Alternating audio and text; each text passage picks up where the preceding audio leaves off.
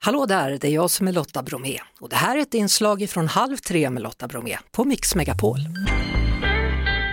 Det är surströmmingspremiär i dagarna och Kristina Möller, du var på surströmmingsskiva häromdagen. Hur var den?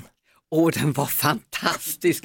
Den första, vet du, det är så det rinner i mungiporna. Ja, senast du var här så hade du en fin kräftat på dig och nu har du bytt. Nu har jag en surströmmingshatt på mig. Ja, den har jag faktiskt aldrig sett förut sådana, det är med, med små fiskar på såklart. Ja, Ja. måste det vara. Hade alla det på den här surströmmingsskivan? Nej, de hade inte det för jag var inte värd, men så fort jag är värd så har jag alltid hattar, haklappar, dukar.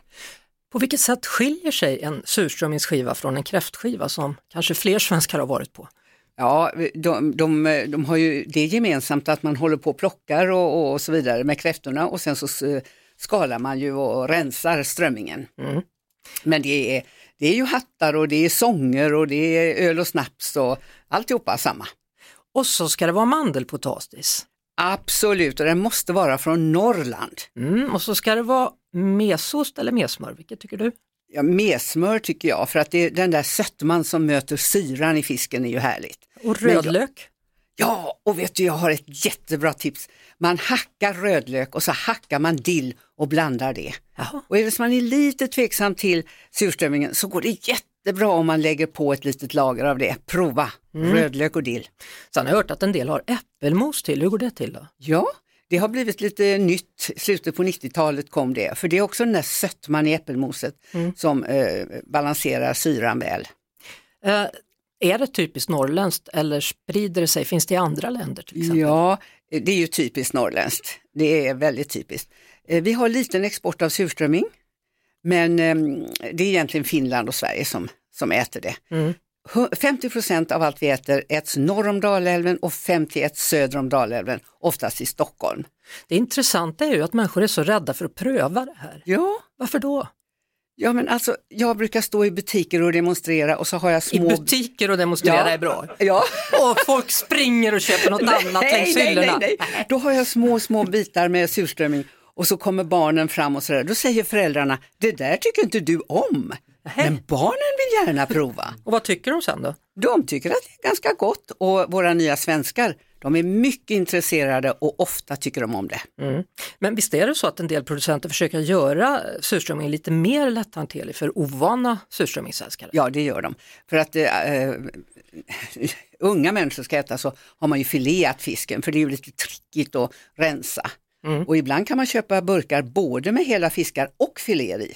Det är ju ganska bra. Ja, alltså jag äter det där. Jag, Ja. jag gör det av tradition, jag tycker det är roligt, men jag har väldigt svårt för att rensa så jag tar gärna en filé med en gång. faktiskt. Ja. Och Ja, sen jag tar jag mycket pålägg Ja. eller grejer runt omkring. Ja, men glöm inte dillen och rödlöken. Nej, nej, och sen ska det vara eh, tunnbröd då, ska det vara hårt eller ska det vara mjukt? Ja, det måste man ha både och på bordet. Jaha. Ja, jag äter bara hårt, men jag är ju göteborgsk och jag har ju lärt mig av min man och han äter också hårt, det är därför jag gör det.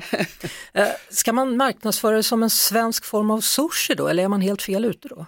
Nej, man kan göra det. Jag tycker att det är ganska trevligt. Jag lärde den japanska eh, ambassadören att äta eh, surströmming och då gjorde jag det i form av sushi och han var älskade det.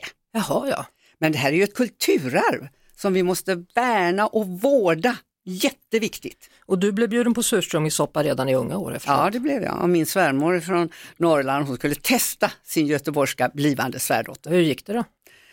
Jag tänkte, jag förstod att hon skulle pröva, prova, pröva mig, så jag stod ut. Men det var inte gott. Du sitter ju med i surströmmingsakademin då på stol nummer 6 och har fått en guldnål då som utmärkelse för detta. Ni försöker kämpa för att få EU-märkning likt löjrom och polkagris. Ja, det har vi gjort, men eh, producenten har inte varit helt med på det. Nej. Det är ett stort arbete och sådär, men vi ger oss inte. Vi ska strax prata med en fiskare tillika kollega till dig från surströmmingsakademin om bristen på strömming och hotet mot surströmmingskulturen. För det är inte bara så att folk inte vill äta, det kanske inte finns tillräckligt att äta heller. Om du visste vad många som har ringt till mig dag och natt nu och inte får tag på några burkar, de är helt hysteriska. Det var det. Vi hörs såklart igen på Mix Megapol varje eftermiddag vid halv tre. Ett poddtips från Podplay. I fallen jag aldrig glömmer djupdyker Hasse Aro i arbetet bakom några av Sveriges mest uppseendeväckande brottsutredningar. går vi in med hemlig telefonavlyssning och, och då upplever vi att vi får en total förändring av hans beteende. Vad är det som händer nu? Vem är det som läcker? Och så säger han att jag är kriminell, jag har varit kriminell i hela mitt liv men att mörda ett barn, där går min gräns. Nya säsongen av Fallen jag aldrig glömmer på Podplay.